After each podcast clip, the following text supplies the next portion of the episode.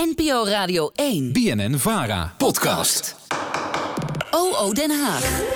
Elke dinsdag gaat onze Haagse redactie op zoek naar het antwoord op een politieke luisteraarsvraag. Deze week ging onze eigen politiek redacteur Sandrine Terloze langs bij Stefan van Baarle, Tweede Kamerlid voor Denk. En ze sprak hem over zijn overvolle mailbox. De Nieuwsbv.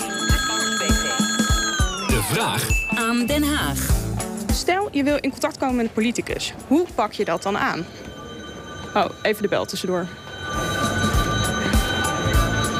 Als je een probleem aan de kaak wil stellen, kan je een petitie beginnen. Je weet wel, handtekeningen verzamelen en hopelijk dat de politiek het dan oppikt. Met die verzameling handtekeningen mag je namelijk op dinsdagmiddag naar de Tweede Kamer toe. Daarom ging ik eens even naar de Statenpassage om te kijken hoe dat werkt. Maar daar kwam ik ook nog een andere manier tegen hoe je aandacht kan vragen van politici. Namelijk een onderzoek starten.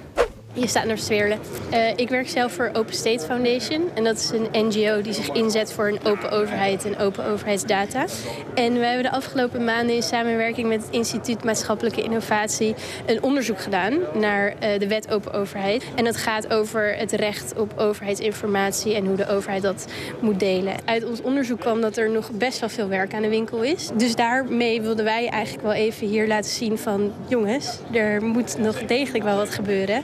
Ik zag net alle Kamerleden met hun rapport eh, weglopen. Dus volgens mij heeft dat gewerkt. Ja, volgens mij heeft het inderdaad gewerkt. Ja. En wat hoop je nu dat ze ermee gaan doen? Uh, nou, wat leuk is, is uh, donderdag is er toevallig een debat over deze wet. Dat is vast niet helemaal toevallig. Nee, dat klopt. Dat klopt, dat heb je heel goed. Ehm, maar wij hopen dat ze de komende dagen tijd hebben om het rapport even door te bladeren... en daar wat input uit kunnen halen voor het debat en voor een inbreng. Dus een hele goede manier om in contact te komen met Kamerleden. Zeker. Verder kan je ook nog contact zoeken met Kamerleden zelf. Ze zitten natuurlijk allemaal op sociale media. Maar de mailadressen van Tweede Kamerleden kan je ook gewoon opzoeken. En daar kregen we een vraag over binnen. Mijn naam is Rianne en ik vraag me af hoeveel mailtjes Kamerleden krijgen. En hoe ze bepalen waar ze wel iets mee doen en waarmee niet.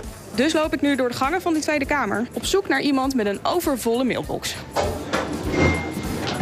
Meneer Van Baarle, laten we beginnen bij uh, die mailtjes. U krijgt er vast een hoop binnen. Heeft u enig idee hoeveel zijn het er per dag? Hoe, dat, uh, dat, dat verschilt echt. Okay. Uh, het zijn er, als je het hebt over de mailtjes in de Kamer... dus procedures, stukken die binnenkomen... dan zijn het er denk ik misschien soms wel honderden in de, in de week. Als het gaat om vragen van mensen in het land... dan hangt het er vanaf of een onderwerp speelt. Soms krijgen we ook mailboms... Dus dan is het georganiseerd. Dan kijk je even niet in je mailbox en dan heb je opeens duizend ongeopende mailtjes. Dus het verschilt. Maar laten we zeggen dat het er honderden per week zijn. Zo, dat, dat is een hoop. En, en leest u die allemaal zelf?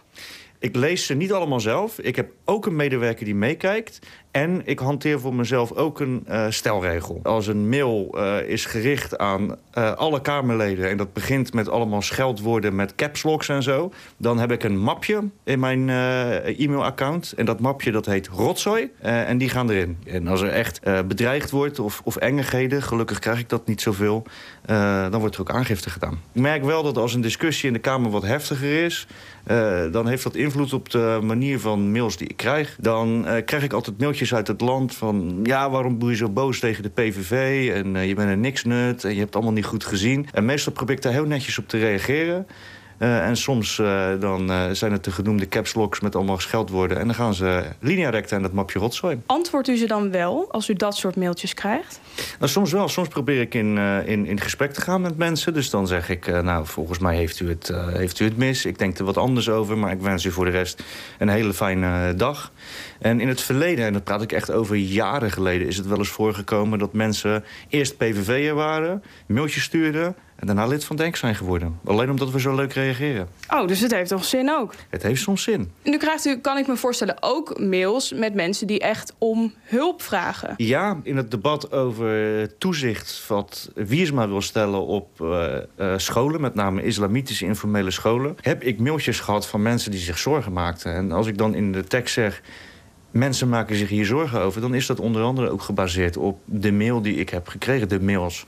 Dus je kan er in het debat ook wat mee doen. Maar we krijgen ook heel veel zinvolle suggesties van partijen in het land. Bijvoorbeeld als het gaat om wonen stuurt de Woonbond... of uh, EDES van de woningcorporatie sturen mails.